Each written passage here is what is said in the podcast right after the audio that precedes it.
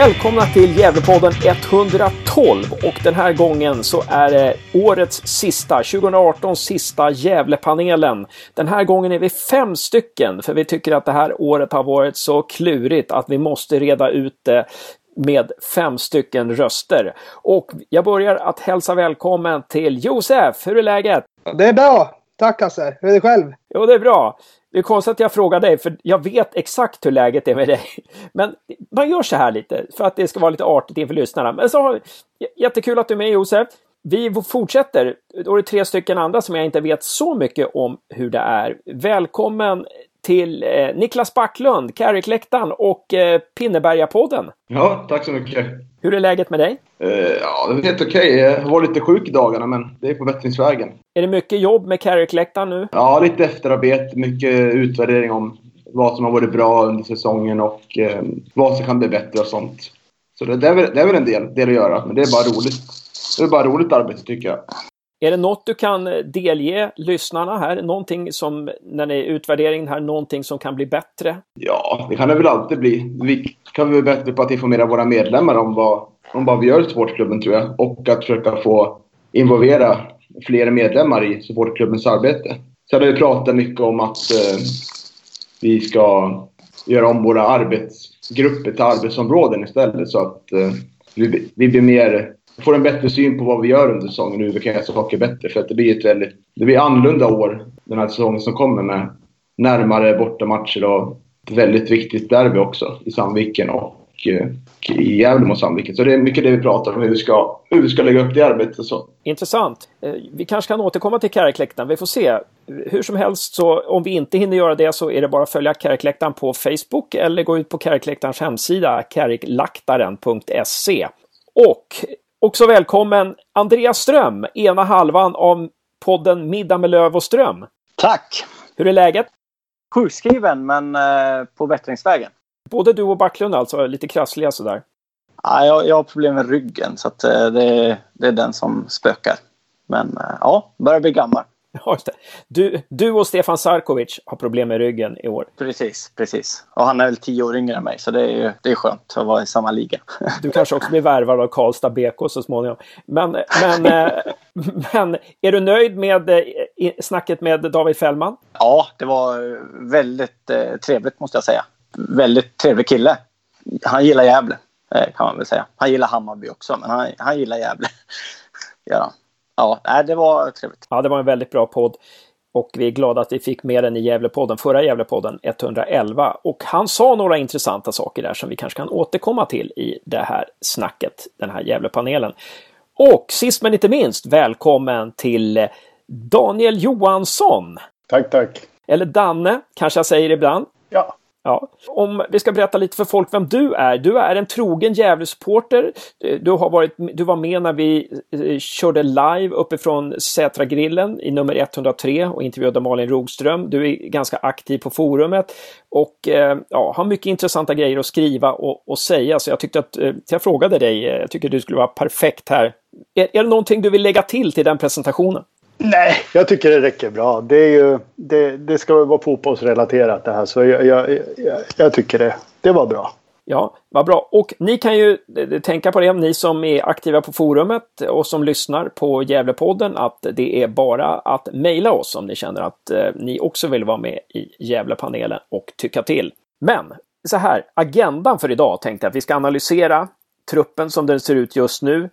Och vad behöver vi få in här nu? Och eh, vilka i det här laget kan ta ett steg i rätt riktning eh, nästa, nästa säsong? Och eh, hur kommer vi spela nästa säsong? Och vad har vi för önskedrömmar inför 2019? Några sådana här saker. Men jag tänkte vi skulle börja med att återknyta till förra avsnittet med David Fällman. Jag vet inte om ni har lyssnat på den intervjun, men där säger David Fällman att Roger Sandberg blev lite bakbunden av ja, man får tolka som man vill, styrelsen eller övriga GIF-ledningen. Han fick inte spela den fotboll han ville. Några kommentarer kring till det yttrandet där? Vad säger Backlund? Ja, om det stämmer så är det väl då är det fruktansvärt att man inte litar på sin tränare fullt ut. Och det är väl det är inte lätt att förändra, förändra Gävle IF har jag fått uppleva att det är nog många som har varit kvar när Per Olsson filosofin som har funnits i klubben ganska länge som, som kanske inte stöttar det här beslutet att ta hit Roger från början. Och det, det blir ju väldigt svårt för, om man ser till Rogers situation, att försöka spela en viss typ av fotboll men så vet han att han har folk ovanför sig som inte stöttar honom fullt ut. Då blir det ju en extra press som man inte behöver ha som tränare. Det är ju ganska mycket press ändå. Så ja, om det stämmer så är det ju inte alls bra. Kan det vara så här att, eh, jag ställer frågan till Andreas eller eh, Danne, ni får komma in, den som känner för det. Kan det vara så att, att den här värvningen av Roger var lite Lindstrands värvning och att eh, några inte var helt eh, 100 procent, stod 100 procent bakom den? Eh, jag tycker ju att det är alltså, anmärkningsvärt för att Fällman gick ju säsongen innan Roger fick sparken och han, eh, han anser ju att, det, att eh, det det året han kände av att, att Roger vart bakbunden om man säger så. Eh, om det är Leif eller, eller så, det, det kan jag inte svara på men eh, kan ju mycket väl vara så. Danne, vad säger du? Vilka tankar fick du i huvudet när du hörde Fällman prata om det här? Alltså, jag fick någon känsla av att det har pågått alltså, länge i Gävle just det här med en oenig styrelse. Liksom att, jag tycker vi ser konsekvenserna av det nu men, men absolut att det måste... Det, någonstans måste det handlat om att vår styrelse inte var enig i värvningen av Roger Sandberg. Det, det tror jag. För att eh, hade han fått full backning från föreningen och spelat sin fotboll så tror jag att det hade sett lite annorlunda ut idag. Det tror jag absolut. Mm. Det är ganska intressant det här man börjar fundera vad är det som har gått fel och när intervju med Fällman den, den, på något vis visar ju att det har från det att Pelle slutat så har det funnits lite så här lite maktpositionering helt enkelt inom klubben. Det, det börjar man nästan förstå. Alltså, och, och där kan man ju se att ja, man, man, kanske kan, jag och Josef har pratat lite om det här och du Josef, du kanske kan lägga ut texten lite mer om du har några åsikter om det, men vi pratar lite om det här med att en klubb behöver nästan en, en, en person som är lite starkare än, den, än de andra, som driver på, som visar vägen, ungefär som Kindberg i Östersund eller vad man ska säga, Daniel Andersson i Malmö. Vad säger du Josef? Ja, det är det vi varit inne på, att Gävle just nu, om vi snackar just nu, saknar någon som skapar de här visionerna för framtiden och vill, vill ge framgång till klubben på längre sikt. Det här med Roger Sandberg så står det en intervju i, eh, under rekryteringsprocessen av en ny tränare efter Pelle Olsson att man skulle behålla Thomas Andersson som assisterande tränare och eh, ville man inte arbeta med Thomas så skulle man inte få jobbet. Just det. Och där kan det ha redan där kan man ha spelat fel, en fel bricka. Alltså det är ju, det, är ju, det, det kan ju inte börja med att man anställer den assisterande tränaren och sen anställer man den, den ordinarie tränaren, huvudtränaren. Alltså huvudtränaren måste ju få någonting att säga till om när det gäller den som ska, den han ska jobba ihop med så att säga. Jag tror väl inte att det är i grund och botten Sandberg som ligger bakom att, att det gick så dåligt det året när man hör massa andra prata utan det är ju massa personer runt klubben som inte backar upp Sandberg helt enkelt. Ja, man hörde på spelarna när Sandberg fick gå att det var ju när folk blev, spelarna blev nästan deprimerade av att det, de, de, men, de menar ju att det inte var eh, Rogers fel. Ja, vi får se. Jag ska bara lägga till det sista. Faktiskt en intervju med Anders Båt uppe just nu. Då han avslutar med att säga att han är väldigt, att han är väldigt besviken på att Eh, Roger fick gå. För han hade hela truppen bakom sig. Och eh, att de valde att spela med, att de valde med Thomas istället. Och att det skulle alltså, inte främja deras fotbollsutveckling.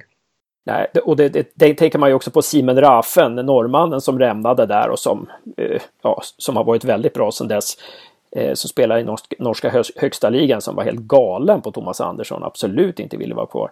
Ja, nåja, Eh, någon, någon, någon, mer åsikt där när det gäller Fällmans uttalanden? Någon som har något mer där som ni absolut måste få säga? Jag tänker på att det, är ganska, det blir ganska konstigt när man först väljer att ta in Roger Sandberg och tänker nu ska vi ändra Gävle fotbollsfilosofi.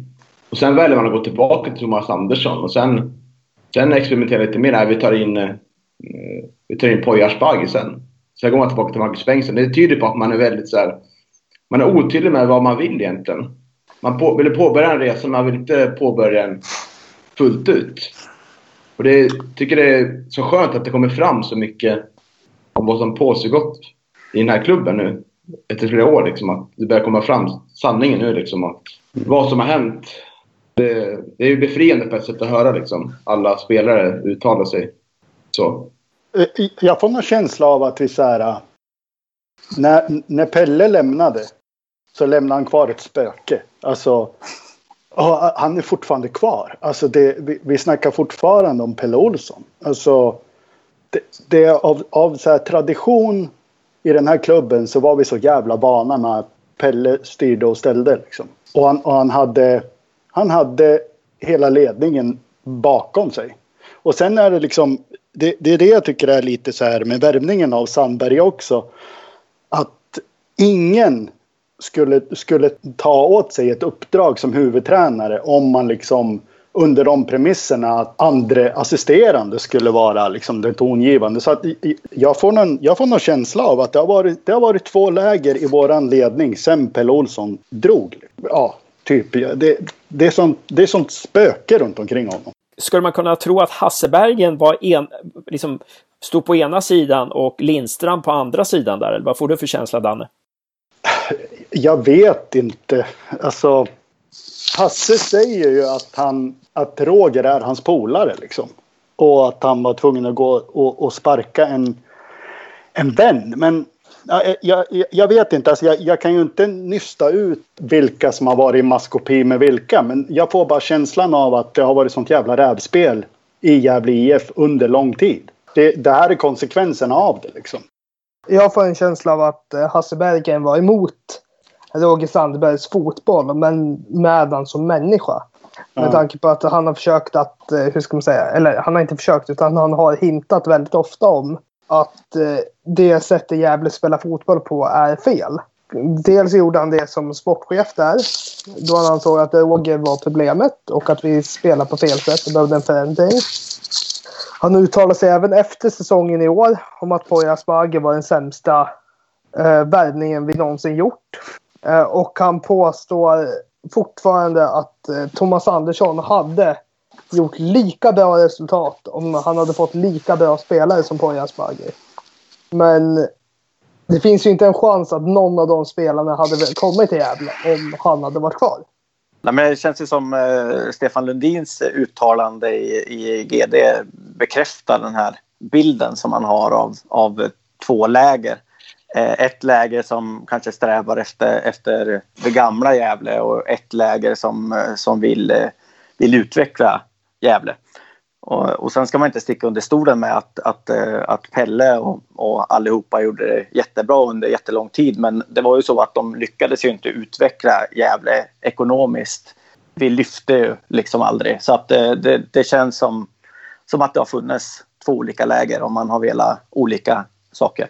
Jag har en kompis som sa eh, för någon vecka sedan till mig, det var en helt ny tanke. Han sa, du får tänka på att Pelle, han var ju ekonom, han var ju bankman.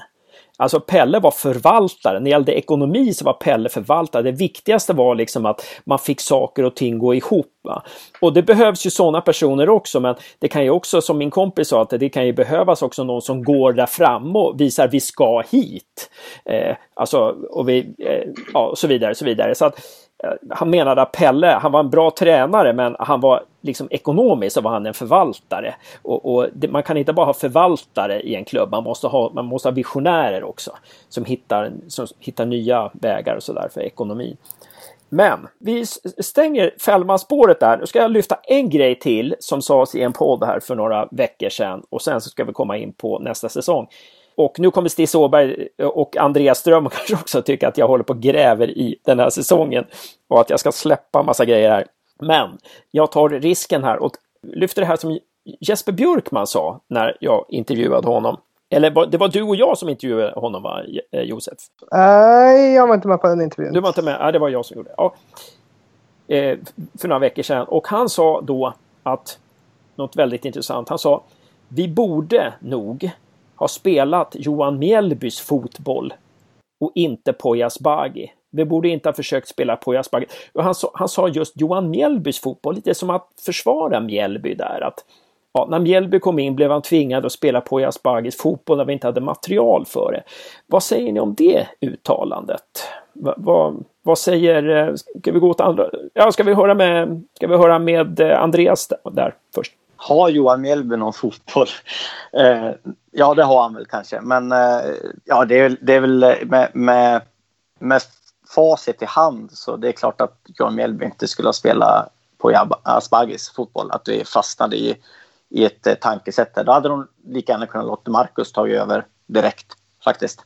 Med, med, med facit i hand. Och sen är jag lite osäker på Johan Mjällby faktiskt och vad han står för, för slags fotboll. Men jag, jag säger att jag tyckte det var så intressant att vi har inte hört det förr från någon spelare. För Jesper Björkman, det var ju som att han försvarade Johan Mjällby verkligen. Vi borde, vi borde kanske ha spelat Johan Mjällbys fotboll från början, alltså då hade det kunnat gå bättre ungefär. Ehm, ja, det, det, tyckte jag var spännande alltså. Backlund, någonting du vill säga där? Ja, men jag håller med tankebanan. Man ska ju, en tränare ska ju spela den fotbollen man känner man är kapabel till att eh, kunna få ut av spelarna. Och det fick ju Mjällby inte av ja, den Poja-inspirerade fotbollen han försökte spela. Och det är svårt också, som Andreas säger, att veta vad Mjällbys fotboll var. Liksom. Det blir ju...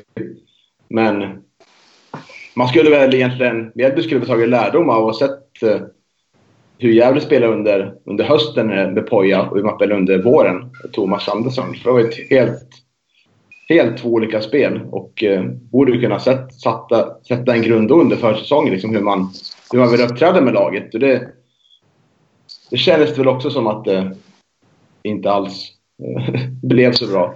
Men jag, jag, tänker, jag tänker också på en sak. Jag har ju sett den här dokumentären när jag var sjuk om Sunderland AFC som går på Netflix.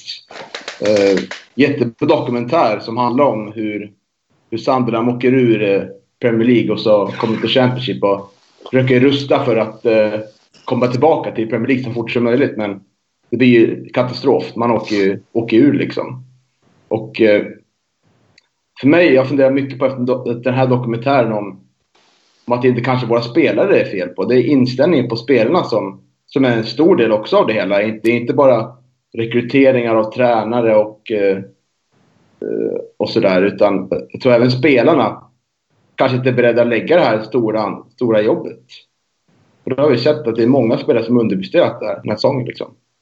Jag, tror det är, jag, tror, jag tror det är lätt att glömma bort. Liksom. Men sen, sen, ser man ju också, alltså jag skrev något inlägg där på, på forumet, alltså vilka vi, vi blev av med till i år eh, och vilka vi värvar så är det ju liksom det är ju mil ifrån att ha värva lika bra spelare som vi blev av med. Och sen tycker jag inte de, de som kanske skulle ha tagit steg uppåt inte gjorde det den här säsongen heller. Men det är ju, jag menar Montiel blev utnämnd till superettans bästa spelare till exempel. Och ja, Ajeti gjorde väl ingen bra säsong i år, men hos oss var han ju jättebra. Alltså det, det finns ju hur många som helst som, som, som gick och, och, och värvningarna, Castrati, Törnros, eh, Sansara med flera eh, ja, vägde ju inte upp där vi blev av med helt enkelt.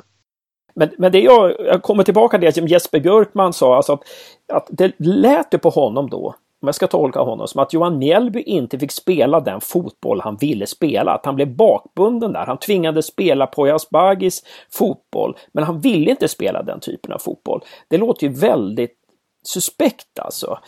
alltså jag tycker det är, eh, alltså okej okay att han kanske hade en spelidé och men vi, vi får inte glömma bort alltså Västerås-tiden heller att det är så här och han, han har gått liksom den här äh, högsta nivån som de går tränare och eh, liksom vurmade kanske för någon sorts här, modern fotboll. Att man ska spela 4-3-3 eller 3-5-2. För det var det enda jag hörde av honom i, i, i början av, av alltså när, när ni intervjuade honom också. Det är att här, vi ska fortsätta på Pojas Baggis och vi ska spela 3-5-2 eller 3, nu var det var liksom.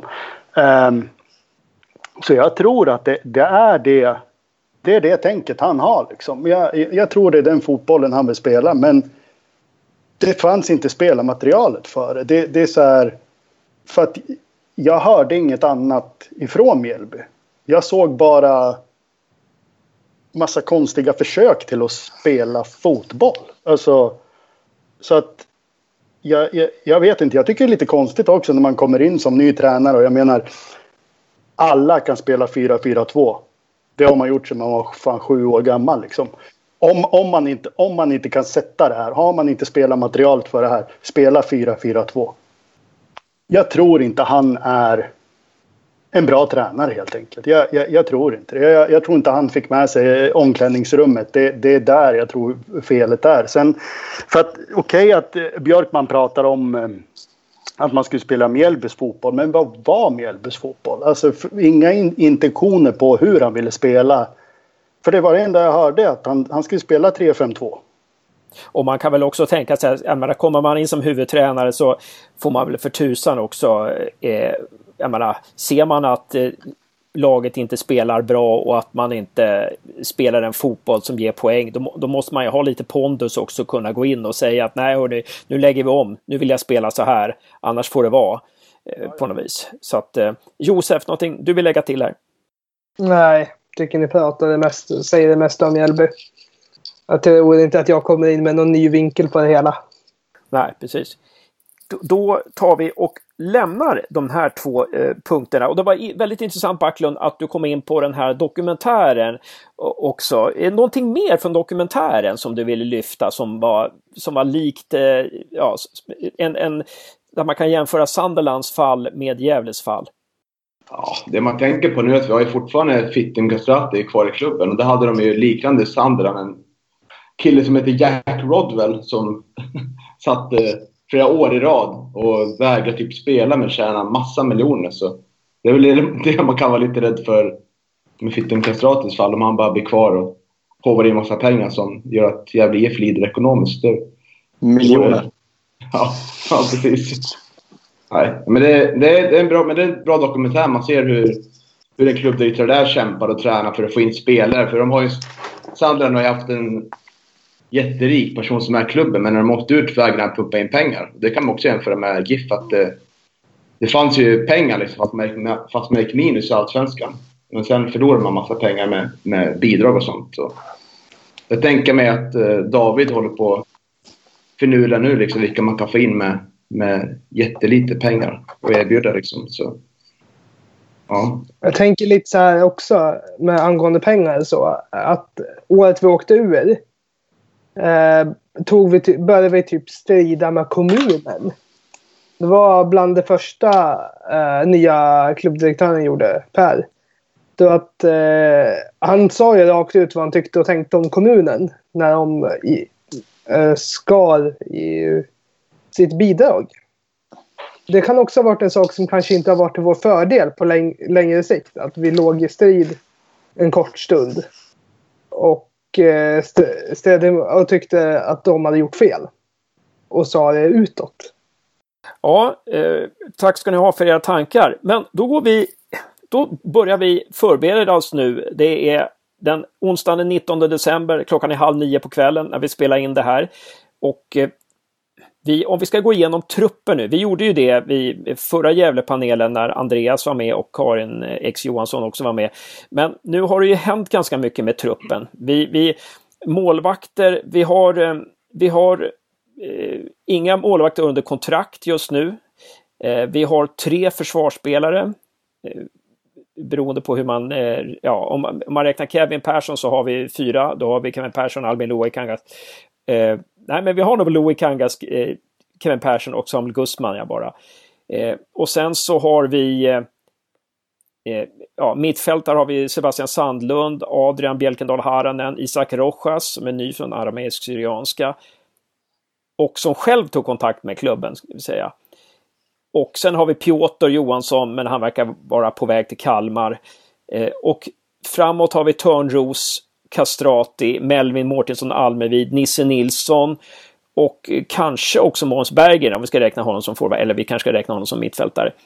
Eh, så att det är de som har kontrakt. Och sen har vi naturligtvis Adam Bergmark Wiberg som, som sitter på kontrakt då, men som kanske kommer att gå.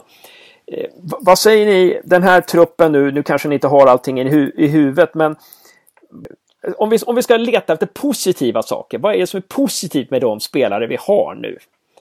Vi, kan vi se några positiva saker? Ja. De som faktiskt är kvar just nu verkligen vill spela för klubben. Att eh, nu har ju alla fått en chans att eh, på något sätt lämna in ett, lägga in ett veto om att de vill lämna eller inte vara kvar. Det är vilket är samma sak. Men eh, de som är kvar nu, förutom eh, Piotr och Adam antagligen, kommer ju vara med till när serien börjar.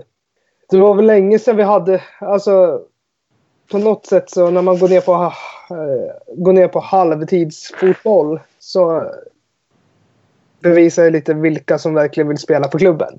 Det är väl typ det jag försöker komma fram till. Mm. Det finns inte så mycket mer ljusglimtar tycker jag. Danne, vill du lägga till någonting där? Eh, vad säger du? Några styrkor i, i, den, i den, de befintliga kontrakt vi har nu? Den trupp vi alltså, har nu? jag är ju... Jag är väldigt positiv till Nisse Nilsson. Jag, jag, jag vet inte om jag är nostalgisk nu, men jag, jag, jag får ju för mig att det här kan bli någon ny Oremo. Liksom.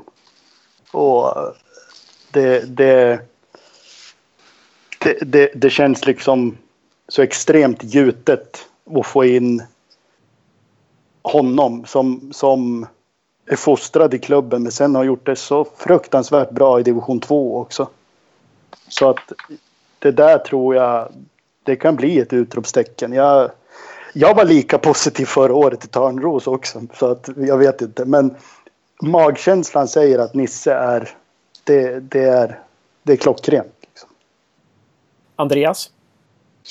Uh, ja, men jag, jag gillar ju Gusman. Alltså. Uh, och det var ju en besvikelse i år och, och mycket på grund av, av skador tror jag Eh, på Samuel. Och jag tror ju att, eh, att, att han kan eh, blomma ut ordentligt i ehm, division 1. tillsammans med, med Sandlund som jag också tror, tror väldigt mycket på. Och sen om nu Adam Bergmark Wiberg skulle kunna vara kvar, vilket jag inte tror att han kommer att vara, men han skulle ju vara kanon i division 1.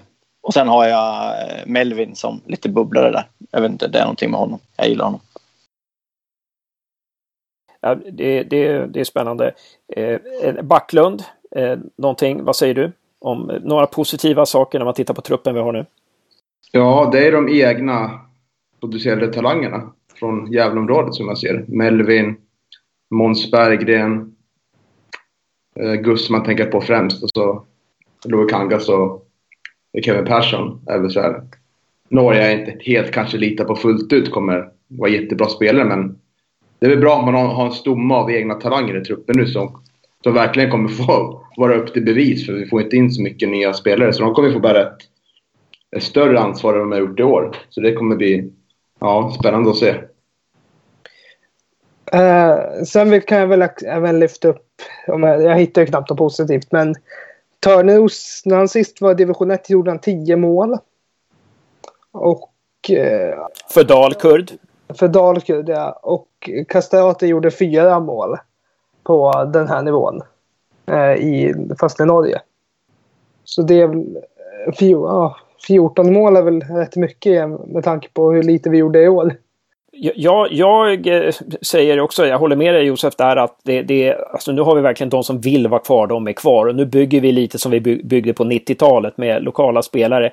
Sen får man ju också tänka på, då, om man ska hitta positivt, att Louis Kangas, Gussman, eh, Sandlund eh, och eh, Melvin Mårtensson Almevid som, ja, som gjorde väldigt bra ifrån sig på slutet här. Alla de har ju gjort bra ifrån sig i superettan och inte gjort bort sig alltså när de har kommit in utan och, och där tror jag vi har spelare som som, som vi kan luta oss mot, alltså som, som verkligen kommer sticka ut när vi kommer ner i division 1 då. Och sen kan man ju som du som eh, någon var inne på att Törnros eh, faktiskt, och Törnros och Castrati som du säger, att de, och Nisse Nilsson och, och Rojas och de här, de, de är ju på, en, på, på den här nivån så, så håller de bra. Så att eh, på det viset så, så ser det rätt positivt ut. Då. Det som är lite negativt då, det är väl att Adam, men det ska vi inte komma in på, det ska inte jag komma in på nu, det, det är nästa fråga här. Eh, den negativa vinkeln då, vad är svagheterna med den trupp vi har? Bortsett från att den är liten, det ser vi att den är liten, det, det finns ju inte mycket där. Eh, om du ska inleda nu Backlund, någonting, alltså svagheterna med den här, med den här truppen och de, där vi måste fylla på med spelare. Ja, den är inte jätterutinerad den här truppen. Eh, för det är väl det stora problemet. Och jag ser väl också att alla spelare som har lämnat så är de flesta är ganska väntade enligt mig, men det var framförallt två stycken som jag blev ganska besviken och ledsen över. Det var, det var ju Viktor Frodig och eh, Stefan Sarkovic. Jag hade en bild av att vi skulle kunna bygga en med en stabil målvakt och en stabil mittback, mittbackar. Skulle bygga något riktigt bra där. Så jag var faktiskt väldigt besviken att båda försvann. Eh, men det säger väl en del om också vad, vad klubben befinner sig nu i näringskedjan som Gävle brukar prata om förr. Att man, nu är man väldigt man kan ju spekulera i att ja, Frode kanske gick till Umeå för att börja studera, Sarkovic för att han längtade hem, men det säger ju ändå någonting om att de ser de här klubbarna, våra serierivaler, som, så mycket bättre för deras karriärer. Och det, det är väldigt tråkigt att det är så. Men vad annars så förstärka, ja, det var målvakt såklart. Det är svårt att spela fotboll utan målvakter. Eh, och ja, starka lagdelen nu, det är väl ändå anfallet. Där har vi ganska många att välja på. Och eh, där, där vet man inte vad som händer riktigt. Eh, jag tror ju på ett sätt att Törnros kommer vara kvar. Eh, men att kanske Fittim och Adam sticker. Då behöver in på alla positioner, men viktigast är väl i målvakt nu. Absolut. Eh, eh, vad säger, vad säger, eh, vad säger Andreas där? Om eh, vad är det vi behöver få in? Vad behöver vi stärka upp? Eh, jag, jag skulle vilja ha in en, en äldre, mer erfaren spelare egentligen i varje do, lagdel. Och sen om den personen har spelat, helst skulle jag sett att den har en bakgrund på, på superettan-nivå. Men kanske har spelat division 1 eller så något år. Eh, så att jag skulle vilja ha in en, en mittback, en, eh, ja, om man säger hela central, centrallinjen, mittback, in i mittfältare och, och eh, ja, kanske tre spelare. Som forward har vi ju ganska, ganska gott, gott ställt. Så att, eh, två, två mittbackar och, och eh, en in i mittfältare kanske. Har du, några, har du några tips till Mackan eh, redan nu eller har du några spelare så här som du har scoutat? Nej, det har jag väl kanske inte. Nej, det är ju så nytt också med division 1 så man, man har lite dålig koll faktiskt. Eh, Danne, vad säger du? Vad behöver klubben få in? Mm, börja bygga bakifrån. Alltså. Eh, jag vill ha en. Eh, ja, vi måste ha två målvakter, men jag vill åtminstone ha någon meriterad målvakt. En eh, potentiell lagkapten som kan styra laget bakifrån. Jag gillar målvakter som är lagkaptener. Och sen håller jag väl med om Andreas att vi behöver få in rutin i varje lagdel. För det här, det här ska vi bygga på ung, en, alltså en ung trupp. Det, det går inte. Liksom. Det, det, vi, vi, måste få in folk som kan bära laget. Liksom. Eh, Josef? Ja, jag är inne på det ni också sagt att vi har vår äldsta spelare just nu 25 år. Uh, och det är inte så mycket att hänga i julgranen. Så uh, lite rutinerade spelare. Eh, någon mitt... Alltså vi skulle behöva in rätt många, många spelare och förhoppningsvis får vi in tre, fyra stycken med rutin på högre nivå. Uh, ett drömnamn vore ju att få in Granat från Sundsvall. Det tror jag skulle vara eh, ett lyft för eh, spelarna i laget och sen framförallt om, alltså eh, klubbens rykte lite grann. Att man kan ta en spelare från allsvenskan. Och, eh, sen har jag väl förslag på William Olausson som eh, mittback från IFK Luleå om jag inte har fel.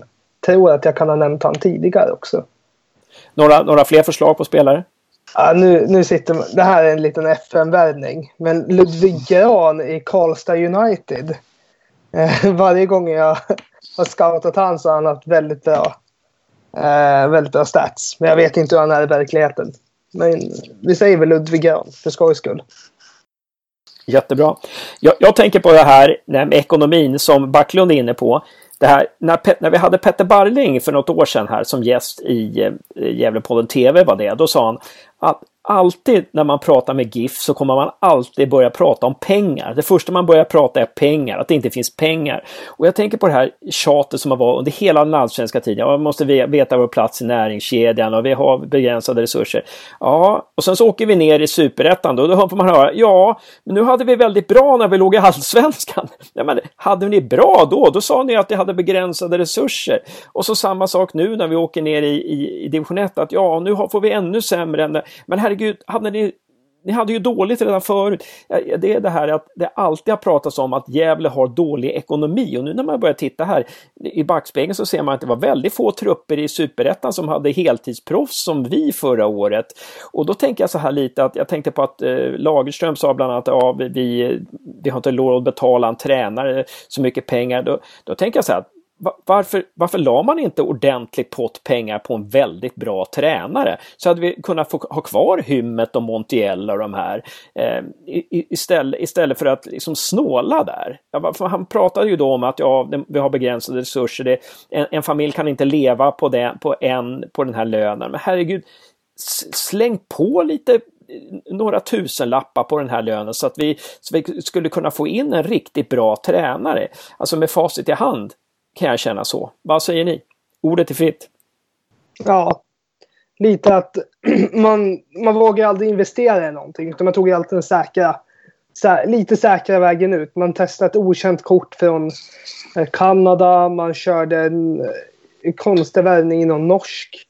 Uh, istället för att man försökte safta på lite pengar där. Att till exempel, vi blev av med så himla många inför den här säsongen också. Och att man jag tror man inte lyckades... Jo, man lyckades förlänga med Lant och Florén. Men var det rätt personer vi skulle förlänga med? Jag tänker, Florén startade ju... In, han var ju inte given under Mjällbys tid. Och då undrar man ju lite så här, skulle man inte saftat de där pengarna istället för, istället för att försöka få kvar Montiel? Eh, Ajete var ju körd för han skulle ju uppåt. Men framförallt Montiel som blev kvar i Superettan, eller Lans.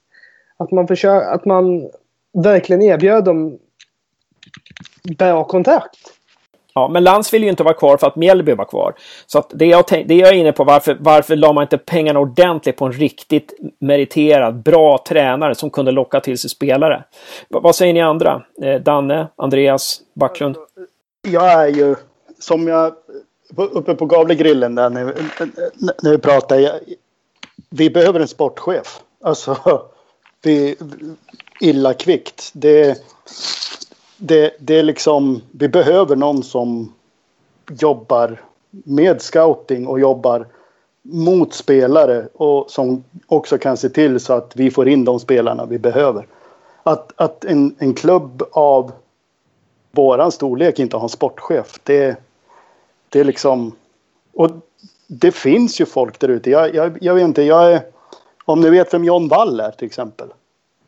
Um, det är en barndomskompis till mig. Jag, jag har ingen kontakt med honom nu men alltså med hans erfarenhet. Jag vet inte ens om han har blivit erbjuden eller om, om eller någonting eller om Gävle tagit kontakt med honom. Men han skulle vara perfekt som en sportchef liksom. Med sitt kontaktnät.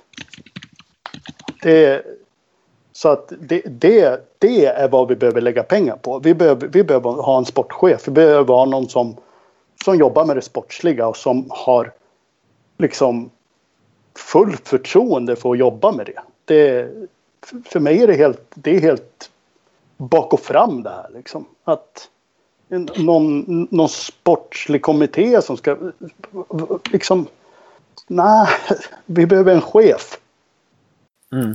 Det, det, du är inne på det som Thomas Ahlbäck från eh, Kalmarpanelen var inne på för några poddar sedan. Han, han sa ju också det att, att eh, eh ja, men, ni, ska inte ha, ni ska inte byta tränare, ni måste ha in en sportchef. Och att det är ungefär det är slitigt för en tränare. En tränare kan inte vara allting. En tränare ska koncentrera sig på tränarlaget för det kan ju också göra Mackan till en sämre tränare. Om han inte får stöd liksom. Det är, jobba ensam på det här viset. Det, ja, det... ja, och en tränare blir ju en dålig tränare med en dålig trupp också. Alltså, det, det är så här. vi måste, vi måste få in bra spelare som, som liksom är smarta. Som, som, som kan ta till sig vad våran tränare vill. Och det, det jag vet inte, jag, ibland kan jag tycka att, att Mackan får lite väl mycket skit. Vi, vi har liksom inte... Vi har inte sett hans rätta ansikte heller. Men jag menar under de här förutsättningarna så skulle fan vilken tränare som helst vara dålig känner jag. Poja var ett, är ett unikum. Vi kan inte liksom... Det, han hade... Han kanske hade kunnat axla rollen i den här klubben som både sportchef och som, som tränare. Men vi behöver en sportchef. Vi behöver någon som kan ta hit spelare som våran tränare kan träna. Men jag tänker framförallt det här med Poja också. Det var att han hade ju, han hade ju tränat i division 1, vunnit division 1. Han hade kontaktnät. Ja, ja. Eh, han, han, kunde ju division 1. Kliver upp eh, superettan, var tränare ett, en och en halv säsong. Har ett kontaktnät i superettan. Ja, alltså Bengtsson, han har varit i Gävles U-lag och sen i A-laget. Det känns inte som att han har något kontaktnät. Det är lite så här att han har ändå någonstans något ord i värvningarna. Det är ju givet. Men det, blir, det händer ju inga värvningar. Vi har ju värvat två spelare och då är det en som har bjudit in sig själv. Lite vart, vart ska de hitta spelare? De verkar inte veta vart de ska hitta spelare. Eh, Andreas?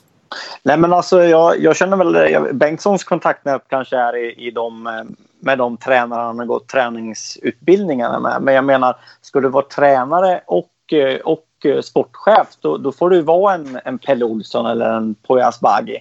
Um, ehm, och det är samma, alltså, du kan ju dela klubbchef och eh, sportchef också men, men David har ju inte heller den erfarenheten inom fotboll förutom att han har varit ungdomsspelare i Gävle. Så att, jag menar det finns ju ett, ett glapp i, i, i kompetens där emellan. Det är ju en person som, som, som saknas. Eh, sen om vi ska återknyta till Fällmans intervjun så tycker jag det är intressant att alltså, när han hade gått till Kina, han har inte hört ett ljud från Gävle sen, sen han, han drog. Liksom. Han sa det att den enda han har haft kontakt med Anders Båt och, och, och, så. Och det tycker jag också är, alltså, gamla spelare och sånt, det är också en kontakt och det ska man ju värna, värna om.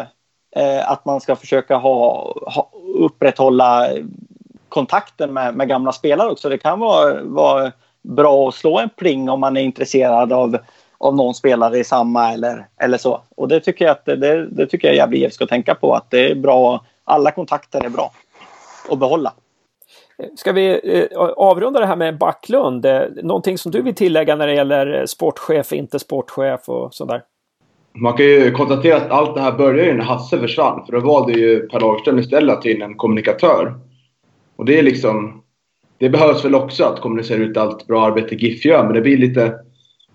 Det blir lite, det blir lite fel att man, man bortser från den sportsliga biten istället för prioritera något annat som är inte alls lika viktigt före. Och jag tänker också att man kan ju sätta grunden i idrottsföreningen först och då, där ingår ju en sportchef. Och då kunde man ju tänka så här att vi har fyra anfallare i år kan man säga. Och eh, Fitten Castrata har ju knappt spelat liksom. Då hade man kunnat gå ner och tagit bort en anfallspost och fyllt upp där, eller en annan post, med en egen junior. Och då satsa på den lönen och en sportchef istället. För det finns ju många klubbar i division 1 som har sportchef. Sandvikens CF har ju sportchef. Och Karlstad BK har haft det här året. Så det är, det är en ganska viktig post som man tyvärr har försökt fördela ut på andra, eh, andra personer inom klubben som inte har kompetensen som ni är inne på. Det tycker jag är väldigt tråkigt. Det är också en stor del till varför, varför det är så många tveksamma värvningar det gjorde i år och innan också. Ja, precis. Det här är ju någonting som jag och Josef får ställa, eh, de här frågorna får vi får ställa till David och Mackan eh, och Malin efter nyår. Vi har tänkt att nu får, nu får, eh, de, nu får Mackan och David vara i fred lite här för att det, det är inte så kul att som, sätta en mick under, under, under mun, till munnen på dem när det liksom när det knappt det finns en halv A-trupp hos herrarna. Så att vi väntar, vi låter dem få bida sin tid och i januari så ska vi ta och snacka med dem. Eh, och kolla läget där och när det gäller ju det här med sportchef och värvningar och hur det går till och behov och sådär. Men om vi ska försöka sätta oss in i då hur, hur Gävle IF tänker just nu. Nu är det, det är ganska tyst hos Gävle IF nu och vi kan ana att man jobbar i det tysta nu med att, med att fixa vissa saker när det gäller herrarnas A-lag då inför nästa år. Vad tror ni? Eh, om vi ska försöka sätta oss in i Davids och Mackans och, och styrelsens huvud här. Vad tror ni att de är i färd med att göra? Vad är viktigast för dem nu? Vad, vad sysslar de med? Vad, vad säger Niklas? Svårt att försöka få in spelare samtidigt som man jobbar för förutsättningar för att ta hit spelare. Och det gjorde de ju klart eh, det avtalet med Clockwork idag. Eh, bemanningsföretaget där. Det tror jag är en viktig del att kunna hitta arbete och spelarna vilka försöker försöka locka hit. Så det, det pågår väl ett intensivt arbete tror jag. Att försöka hitta spelare som kanske inte platsar i sina superettan-klubbar och eh, ja, vill liksom vill, vill bort.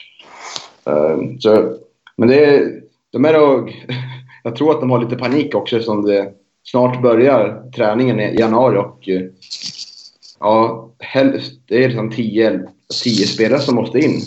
Typ, så det, det börjar ju brinna i knutarna lite känner jag. Man kan inte vara för långt tålamod som helst. Man måste ha en, en trupp som man kan spela in i försäsongen och, och uh, få upp gruppen. Sådär. Så det, ja, jag, jag, också, jag är väldigt orolig att det, är, ja, att det inte kommer gå så bra. Josef, Andreas, Danne, någonting där? Vad, vad, kasta er in. Vad, vad tror ni Gävle jobbar, Gävle IF jobbar med just nu?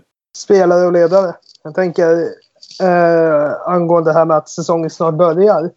Vi har ju inte heller någon fystränare på plats. Om jag inte har fel. I och med att vi har sålt, eller sålt, vi har släppt Johan Holmström till eh, Sirius.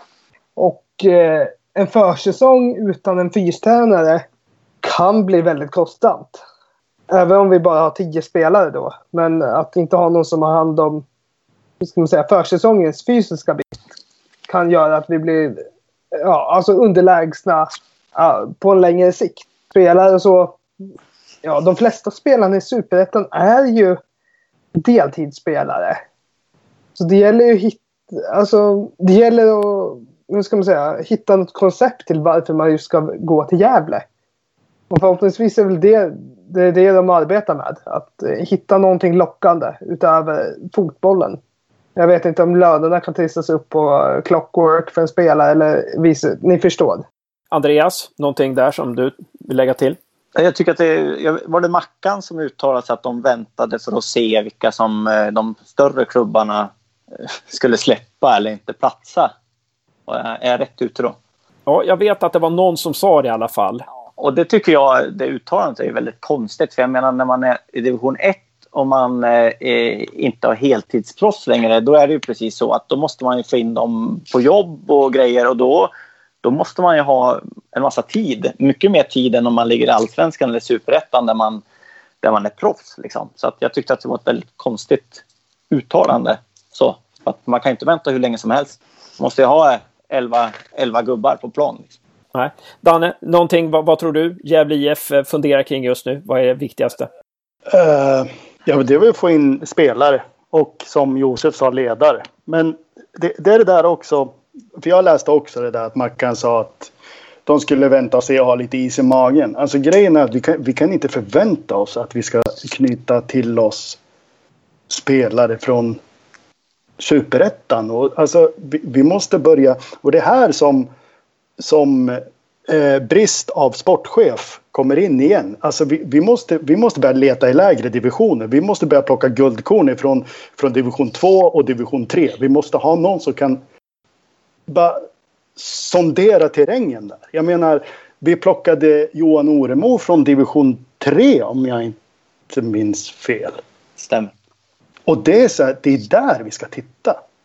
För, för vi, vi kan inte sitta liksom och, och vänta för att tiden går och uh, det här uh, det kan också vara liksom spelare som har varit eh, semiproffs eller som också har varit heltidsproffs. Och att förvänta oss att de ska ner på den här divisionen. Alltså det, det, som Jesper Florén sa, jag har inte spelat division 1 fotboll sedan 2006. Eller vad sa han?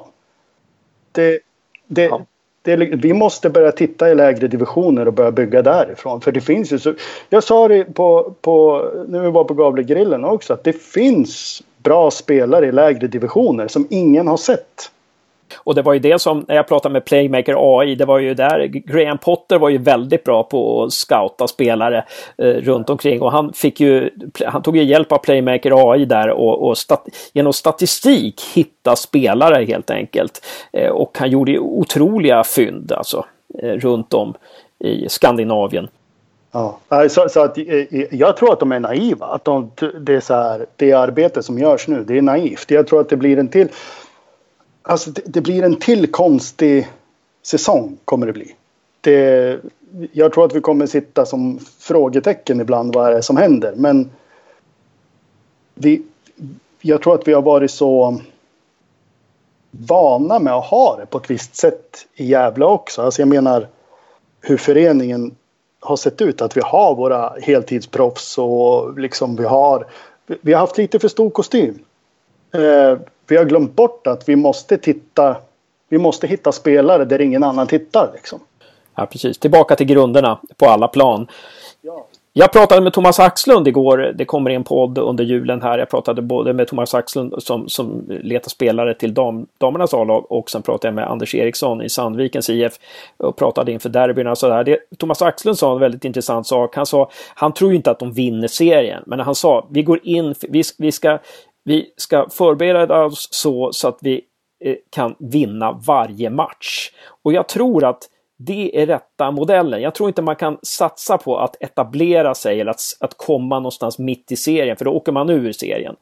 Jag tror att man måste gå in eh, för att vinna varje match helt enkelt. Det, det, det måste vara målet. Det finns inget annat mål alltså. Och eh, där, eh, där behöver vi ju en hel del då. Eh, men om vi ska då slutligen då, vi ska inte ha någon nyårslöfte här, men om man får komma med en önskan inför nästa år. En önskedröm, någonting som man skulle vilja liksom slå in. Det är, ja, jag menar inte så här en önskan liksom att det, att det helt plötsligt eh, så är det någon som testamenterar 100 miljoner kronor till Gävle det, eh, Ja, det kan man ju också ta, men jag tänkte mer något, något realistiskt som man vill som man vill ska hända nu i vår, i januari februari för Gävle IF så att det blir en bra säsong. Eh, en, en, ett önsketänkande här eh, som, som ni vill. Ni kan fundera lite så, så kan jag börja där. I och med att jag ställer frågan så har jag hunnit tänka lite. Eh, mitt, mitt önsketänkande är att det har frigjort så mycket pengar nu i och med att vi har sagt upp kontrakt och så vidare att vi nu har råd att heltidsanställa fem stycken spelare till truppen. Eh, och bland annat en målvakt, två stycken backar, en mittfältare och en forward.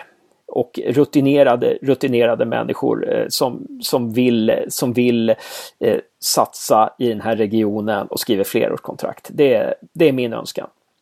Eh, är det någon som vill ta vid där? Eh, Backlund, vill du hänga på? Har du någon önskedröm? Ja, önskedrömmen är väl att vi inte förlorar mot Sandviken. Det vore fruktansvärt jobbigt om vi gjorde det. Det blir länets sämsta lag. Det vore fan inte kul. Nej. Så det, det är väl mitt, mitt önskemål. Och det, ja, det är väl lite svårt att tro att det kommer... Jag tror vi kan få piska av Sandviken, tyvärr. Det, det, det sa ju Thomas Ahlbäck också i Gävlepodden då här, här för några veckor sedan att han sa att vi måste, vi måste se till att behålla, vi ska måste vara etta i regionen sa han. Vi måste vara etta i regionen. Josef? Att eh, spelarförsäljningarna av Adam och Piotr gör att varenda krona i supportersponsringen går in som, en, eh, som eget kapital och som något positivt. Och rättare sagt att spelarförsäljningarna täcker upp det hela negativa kapitalet vi har. Danne? Jag önskar att Jan Wall flyttar tillbaka till Sätra och blir sportchef och styr upp Gävle. Det, det hade varit fantastiskt. Eh, bra. Klart och koncist. Eh, Andreas? Eh, ja, att allt ni har sagt hittills slår in och att eh, Marcus Bengtsson sätter ett eh, försvarsspel och ett anfallsspel. Grymma grejer alltså. Fasen vad bra! Tänk så här, ingen av oss har så värst höga önskningar. Jag önskar att de sätter ett spel. Vi vinner mot Sandviken. Jo. kan anställa lite spelare. Josef, vi, vi är från Gävle. Du vet jantelagen här. Den, den är inte att leka med. Man måste vara lite blygsam. Det är så här. Det är... Men ja. Ja, men det, det är väl okej liksom att önska saker, men man kan inte göra som Bosko i Gais och gå ut och säga att om, om fem år ska vi sp- spela Europa League gruppspel och så ligger man längst ner i superettan nästan. Det måste ju vara lite realistiskt också. Ja, jag, tyckte, jag tycker ni sa otroligt bra grejer. Eh, det här var helt fantastiskt. Eh, jättebra Gävlepanel tycker jag i alla fall. Eh, så att jag, jag har haft en rolig timme i alla fall. Sen vet jag inte om ni och lyssnarna får det, men, men det tror jag nog. Eh, hörni, eh, då ska vi ta avsluta den här. Jag avslutar med att tacka er så mycket och vi kan väl ta också en liten runda med en sak som ni önskar er själva i julklapp då. En sak som ni önskar er i julklapp eh, allihopa. Då kan jag börja där också. Jag önskar mig Fargo säsong 3 på DVD. Och då tänker ni så ja men DVD det är ute. Nej det är inte alls för det är, det är kommentarspår på DVDn. Så att eh, ja, eh, så, så så är det med det. Eh, ska vi kolla om eh, Danne har någon någon, önskar sig någonting i jul. Uh, fred på jorden. Det, är- det, det är också en DVD. typ. Ja, det är bra. Eh, Andreas? En poddmick önskar jag mig, så att det blir lite bättre ljud i, i podden. Perfekt. Josef? Jag hade ju inte önskat mig någonting eh, av någon. Så att komma på en önskning så här är helt omöjligt. Men jag önskar mig att du får din Fargo-DVD. För det gör hela huset lugnt. Ja, precis. Och Niklas Backlund, slutligen. Jag vet inte heller, men när man jobbar ska man köpa alla saker till sig själv. Så det blir ju... Men jag har ju, har, jag har ju fått låna en poddmick av, av dig Hasse, så kanske säga det till Andreas som blir lite avundsjuk. jag kan också önska mig en ny poddmick. Kanske får låna dig då Hasse. Du, du får låna den där på obestämd tid, Backlund. Ja, trevligt. Ja, men hör, hörni, helt grymt. Tack Danne Johansson för att du var med. Tack. Det var jättekul att vara med. Ja, men grymt att du, hoppas du kan vara med fler gånger. Säg bara till så är jag Ja, med. grymt. Tack Andreas Ström. Tack! Tack, tack. Tack för att du med. Tack Backlund. Ja, tack detsamma. Och tack Josef. Och tack själv Hasse.